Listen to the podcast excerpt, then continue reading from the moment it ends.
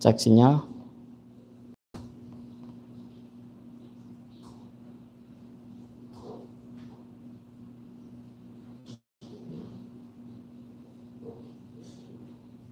Ya. Sudah, Bro?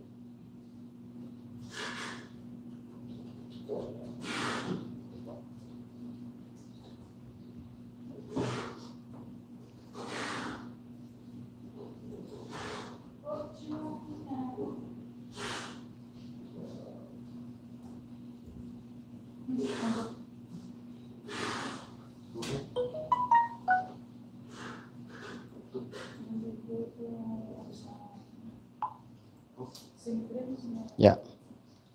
Sudah? Tes tes satu dua. Oke, sudah online ya. Assalamualaikum warahmatullahi wabarakatuh. Salam berkah untuk kita semua. Kembali dengan saya Kang Mas Rohan. Gimana? Sini, Bro. Hari ini kita live lagi di channel Pelet Pengasihan. Ya.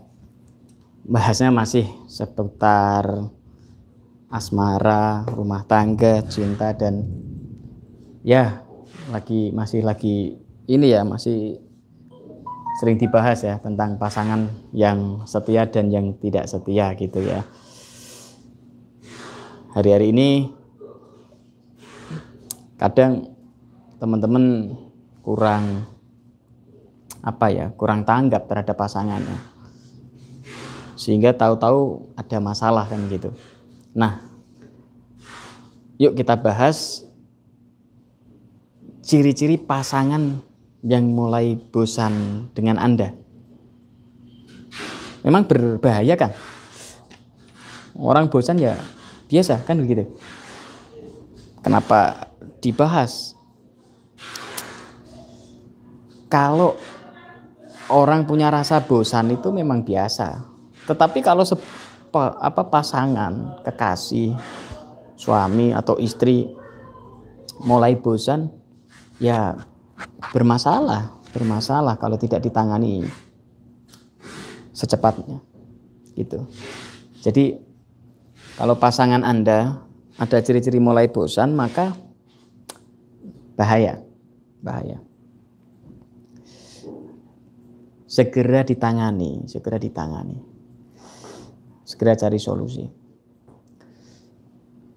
Karena be, berkejar-kejar dengan waktu. Kejar-kejaran dengan waktu. Kalau Anda lihat orang marah, ya, lihat orang marah di waktu yang tidak tepat. Anda ikut marah. Masalah Anda? Ya marah kan biasa Kang, kan itu. Tapi masalah kalau tidak segera ditangani. Bagaimana caranya supaya Anda bisa meredam amarah itu? Meredam marah. Misalkan suami Anda sedang marah atau istri Anda sedang marah-marah. Kan Anda harus berupaya bagaimana cara meredam marah suami atau cara meredam marah istri kan?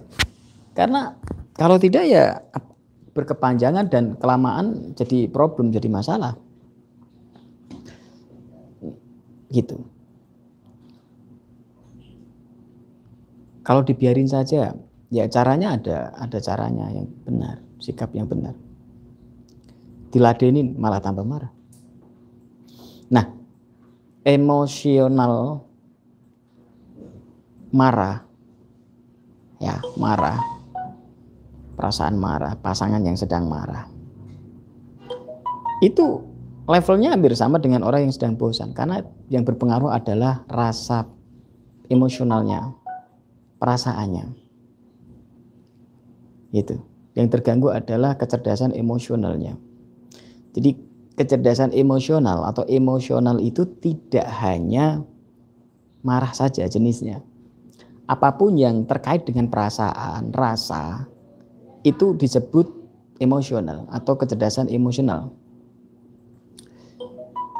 orang cinta banget, seneng banget. Itu juga emosional. Benci banget, jengkel banget, dendam. Itu juga emosional. Marah-marah. kayak orang stres. Itu juga emosional. Ya. Curiga emosional. Cemburu yang berlebihan juga emosional. Gitu. Jadi beberapa hal emosional yang mengganggu kecerdasan emosional, apakah Anda termasuk cerdas apa tidak dalam mengelola emosi? Nah, banyak hal jenis tadi yang bisa Anda perhatikan. Pemarah tidak, pencemburu tidak. Kalau suka berlebihan apa tidak? Kalau jengkel benci berlebihan apa tidak? Itu. Oke. Tes suaranya. Karena kalau orang cinta berlebihan berarti orang itu belum bisa belum bisa mengendalikan kecerdasan emosionalnya. Orang jengkel berlebihan juga sama. Ya.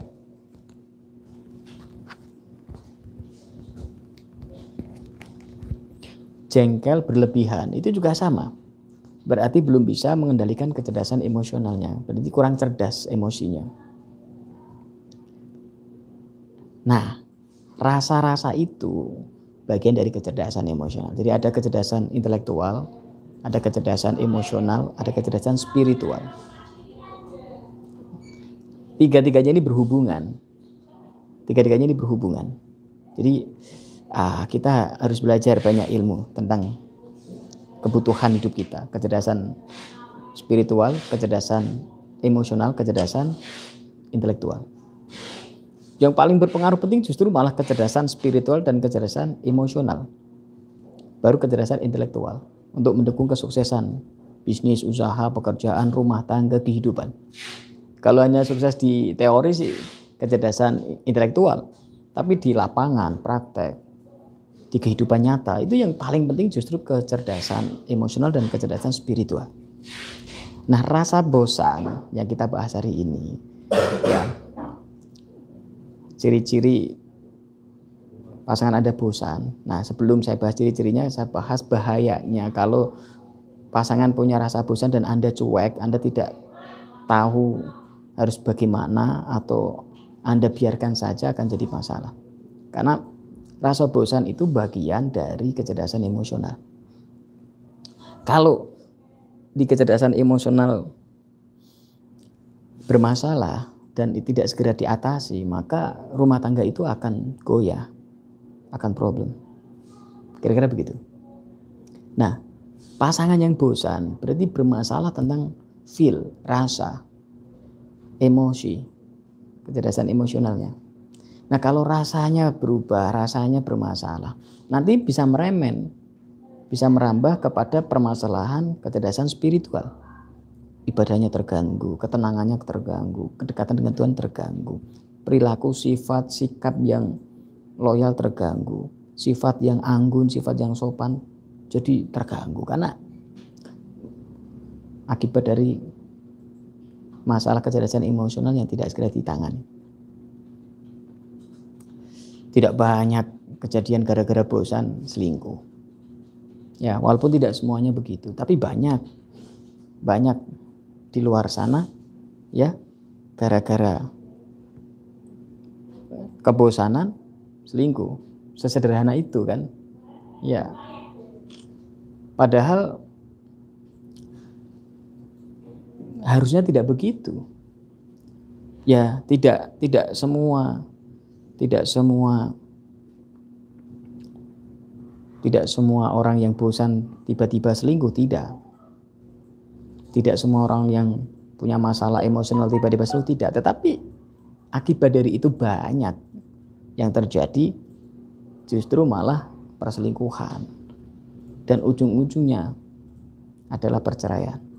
Ada juga gara-gara kecerdasan emosionalnya dan spiritualnya bermasalah, bosan, jenuh dengan pasangan, tidak selingkuh, tidak nyeleweng, tidak ada pasangan idaman lain, tetapi tiba-tiba minta cerai. Ada, ada. Mungkin tipe orang ini setia banget. tapi dia juga tidak mau bertahan sehingga malah minta cerai tanpa sebab dilihat rumah tangganya kayaknya baik-baik saja dilihat rumah tangganya harmonis-harmonis saja tetapi malah minta cerai ya kalau yang bosan perempuannya atau istrinya kalau yang bosan laki-lakinya tahu-tahu istrinya diceraikan itu sangat riskan. Ya. Bosan itu sangat riskan. Sepertinya sepele tetapi itu berbahaya untuk sebuah hubungan. Coba kita perhatikan anak-anak lah. Ada anak-anak kecil lah, anak-anak kecil tidak diberikan mainan. Nah, seperti sekarang nih ya. Tidak sekolah ya kan? Anak-anak kecil yang harusnya sekolah ya kan? Karena pandemi Covid ini kan banyak yang libur atau sekolahnya jarang-jarang kan bosen kan, jenuh kan di rumah. Coba diperhatikan efeknya. Kejenuhan, kebosanan di rumah berakibat stres kan, masalah. Akhirnya masalah sama orang tuanya, masalah sama papanya, sama mamanya, ibunya, kakaknya, adiknya, diajak berantem, nah, kakek neneknya atau ngerusak barang di rumah. Sebenarnya pengen main, pengen bertemu teman-temannya, kepengen apa berangkat sekolah lagi tapi karena mungkin mereka tidak bisa mengungkapkan atau ngomong tapi nggak ada solusi, nggak pernah diajak pergi main, tidak pernah diajak pergi liburan karena pandemi jenuh di rumah, hanya main handphone, lama-lama juga bingung, lama-lama juga bosen. Nah, kejenuhan yang berlanjut-lanjut ini berakibat fatal, akhirnya stres. Anak-anak jadi pemarah, anak-anak jadi mudah nangis, mudah apa ya kacau lah ya. Nah, Anak-anak saja yang sedang kondisi bosan saja di rumah, bosan di rumah saja bermasalah, apalagi pasangan. Kalau ada pasangan yang bosan itu bahaya, harus segera ditangani. Gitu. Ya. Terus apa sih ciri-cirinya? Tadi kan akibat fatal nanti kalau apa namanya pasangan Anda bosan bisa berakibat fatal dalam hubungan baik rumah tangga maupun yang belum menikah mungkin baru ta'aruf pengen menikah bosan maka ayo diantisipasi segera mungkin ya ada beberapa ciri-ciri pasangan mulai bosan laki-laki perempuan hampir sama punya perilaku yang hampir sama yang pertama Ciri-ciri pasangan Anda mulai bosan adalah fokus. Fokus pasangan Anda sudah beralih. Beralih, tadinya fokusnya kepada Anda. Mungkin telepon, WhatsApp, WA, ngikutin sosial media Anda, sering tanya Anda ada di mana, kangen dan sebagainya. Fokusnya sudah beralih. Mungkin dia fokusnya sudah beralih ke teman-temannya. Fokusnya sudah beralih ke pekerjaannya saja, fokusnya sudah beralih ke kegiatan hobinya saja. Nah, itu tanda-tanda pasangan Anda sudah mulai bosan. Bahaya. Kenapa? Karena Anda sudah tidak menjadi prioritas. Anda sudah tidak menjadi orang utama bagi dia. Hal lain yang menjadi fokusnya. Nah, ini tanda-tanda pasangan mulai bosan. Dan itu beresiko beresiko. Harus segera diatasi. Yang kedua, pasangan Anda sudah mulai membahas kekurangan daripada kelebihan. Sering apa? Ngoreksi. Sering ngoreksi diri Anda, evaluasi diri Anda, kurang A, kurang B, kurang Z, kurang D, pokoknya kurang aja. Banyak kekurangannya. Anda dinilai kurang terus sering dikoreksi, sering di komplain, sering diprotes. Itu tanda pasangan Anda mulai bosan. Kalau pasangan belum bosan, dia akan memuji, suka apa ya, membuat senang. Suka mengatakan hal yang membuat Anda senang. Suka memuji Anda. Eh cantik ya, eh ganteng, hmm, pasar apa suamiku yang hebat, istriku yang hebat. Ya, kelebihannya yang disampaikan pinter masak, hmm, wah suamiku yang rajin bekerja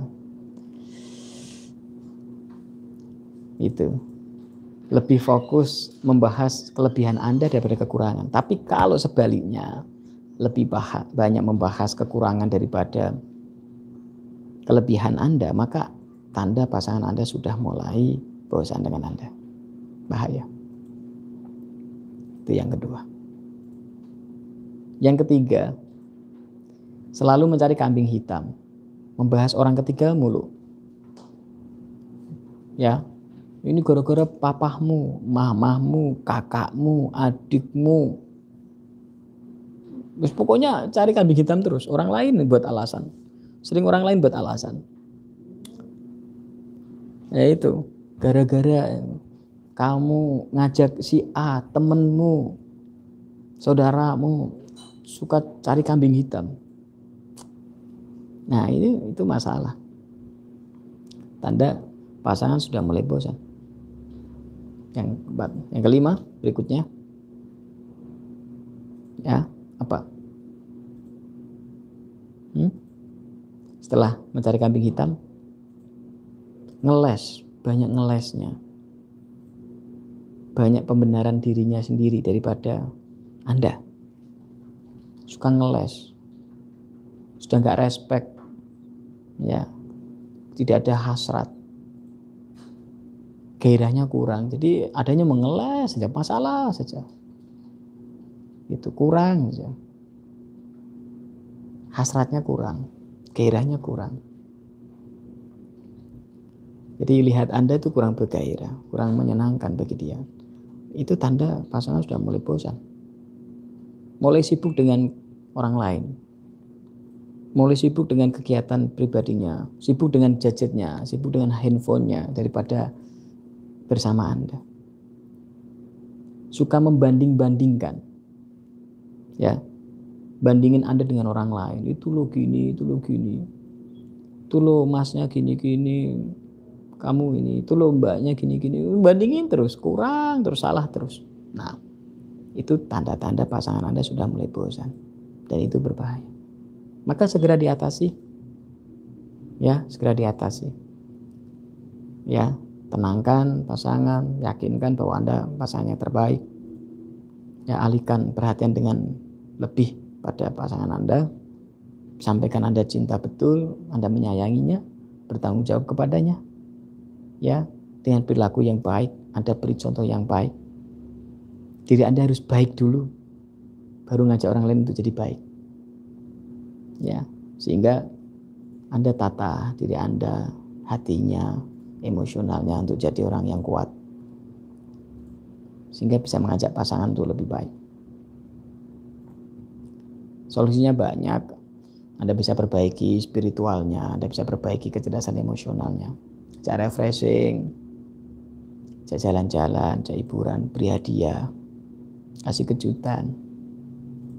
Ajak pergi ajak kumpul dengan berteman banyak teman-teman komunitas atau ajak ke pengajian, ketemu kiai ulama, atau membuat kegiatan baru yang lebih positif, yang lebih berharga, yang menyenangkan untuk berdua, supaya tidak bosan, supaya tidak jenuh. Yang penting bermanfaat. Banyak kegiatan positif yang lainnya yang bisa Anda pikirkan untuk membahagiakan pasangan Anda, sehingga pasangan Anda tidak bosan. Ya kadang ditarik, kadang diulur. Kadang ada rasa sedih, Kadang ada rasa senang, kadang ada rasa kecewa, kadang ada rasa jengkel. Harus banyak rasa. Kalau istilah istilah makanan atau permen ya, permen nano-nano katanya. Jadi hidup ini harus banyak rasa. Kalau banyak rasa insya Allah tidak mudah, tidak mudah bosan. Tapi kalau cuma satu rasa datar, flat itu aja ya, nanti mudah bosan, tahu-tahu hilang, tahu-tahu putus, tahu-tahu bubar. Memang harus banyak rasa, berjuang bersama, rekoso bareng gitu, susah bersama, merangkak-merangkak ke atas, sukses bersama. Wah itu yang akan menjadikan pasangan Anda setia dan indah. Sejarah yang luar biasa. Harus siap dengan segala rasa. Makanya orang jadul mengatakan senang susah berdua denganmu. Ya gitu. Dengan pasangan. Susah senang bersama-sama. Dihadapi bersama. Karena itu adalah juga bagian dari mengatasi kebosanan dalam hubungan Kadang ada rasa bahagia, senang, kadang rasa jengkel, kadang ada rasa apa namanya rindu, segala macam ada. Nano-nano banyak rasanya dan itu justru salah satu cara yang sangat manjur untuk mempererat hubungan, untuk kesetiaan hubungan, untuk memperkokoh sebuah hubungan, yaitu dengan cara ya banyak rasa bersama-sama. Jangan hanya di saat senang tok, tapi di saat susah pun bersama-sama, berjuang bersama-sama. Maka rasa saling memiliki, rasa untuk apa namanya bersama-sama itu lebih kuat. Sehingga tidak ada kebosanan. Kalaupun bosan teratasi. Ya, segera teratasi. Harus respect terhadap pasangannya. Sehingga Anda bisa memperhatikan pasangan saya seperti apa. Ya, gairahnya, fokusnya, kepada siapa. Itu. Baik, itu yang saya sampaikan untuk sore ini. Semoga bermanfaat. Saya akan Mas Rohan. Nah, ada pertanyaan-pertanyaan kita jawab cepat. Quick, ya. Nanti kita live lagi di channel Guru Paranormal ya. Sekitar jam uh, eh, 4 ya. Baik. Zahra hadir Kang. Baik, terima kasih Zahra. Tolong kasih tips dan cara menyadarkan suami kasar dan pemarah dong Kang. Dan sarana spiritual apa yang bisa saya gunakan? Baik Bu Zahra, terima kasih pertanyaan yang sangat cerdas sekali, luar biasa. Semoga saya bisa memberikan uh, solusi ya Bu ya. Ini untuk Bu Zahra dan untuk siapa pun atau untuk saudaranya, temannya, atau diri Anda sendiri. Bagaimana sih cara menyadarkan suami kasar dan pemarah? Kalau Anda seorang istri, punya suami atau Anda seorang wanita punya pasangan laki-laki yang pemarah dan kasar. Anda harus lihat asbab atau sebabnya. Apakah marahnya, kasarnya itu sejak awal Anda kenal atau baru-baru ini? Kalau sejak Anda kenal, berarti itu sudah karakternya. Anda yang salah milih suami, Anda yang salah milih pasangan. Kalau dari sejak kenal sudah jadi pemarah, kasar, kalau belum menikah mending tinggalkan. Cari pasangan lain yang lebih baik. Tapi kalau sudah terlanjur menikah maka bersabarlah. PR Anda panjang. Kenapa? Karena Anda sudah tahu dari awal dia pemarah dan kasar. Berarti itu karakternya. Karakter sulit dirubah. Karakter sulit untuk dikendalikan. Akan tetapi masih bisa diupayakan. Itu. Jadi cek dulu suami Anda atau calon suami Anda pemarah apa tidak? Pemarahnya dari sejak kapan? Atau mungkin jadi pemarah sejak akhir-akhir ini karena mungkin Anda e, berubah atau mungkin Anda mulai punya kenalan baru atau mungkin kekurangan ekonomi macam-macam. Kalau marahnya baru-baru masalah saat ini yang tadinya baik sekarang dia marah, bisa saja dia bosan terhadap Anda. Atau bisa saja dia ada pilihan lain selain Anda. Atau mungkin stresnya berlanjut karena problem ekonomi, karena problem pekerjaan bisa juga. Ya Anda harus sabar. Kalau sudah jadi istrinya, cari tahu sebabnya, selesaikan masalahnya. Atau bantu mencari solusi atas masalah pasangan Anda. Tapi kalau belum menikah, cari yang lain yang lebih sopan, yang lebih bisa mengendalikan emosinya yang tidak pemarah. Karena menjadi orang pemarah itu bahaya, berisiko. Sulit untuk bahagia. Pemarahnya juga tidak bahagia, yang dimarahi juga tidak bahagia, sulit happy. Hubungan yang indah itu tidak ada kemarahan. Harus adanya kasih sayang, lembut, kelembutan, cinta. Gitu ya. Jadi cek dulu. Kalau sudah maka Anda harus yang memulai dari sekarang solusinya itu harus menjadi air. Pemarah itu api, batu keras, api panas, seperti api, seperti batu. Kerasnya seperti batu, panasnya seperti api. Batu sama api kalah dengan air. Api disirami air, padam dia. Batu ditetesin air, dia bisa lubang. Sehingga jadilah air. Jadilah orang yang penuh lembut kasih sayang, penuh cinta, penuh pemaafan, legowo. Memang itu supaya untuk mengalahkan dia dan mendidik dia jadi orang baik.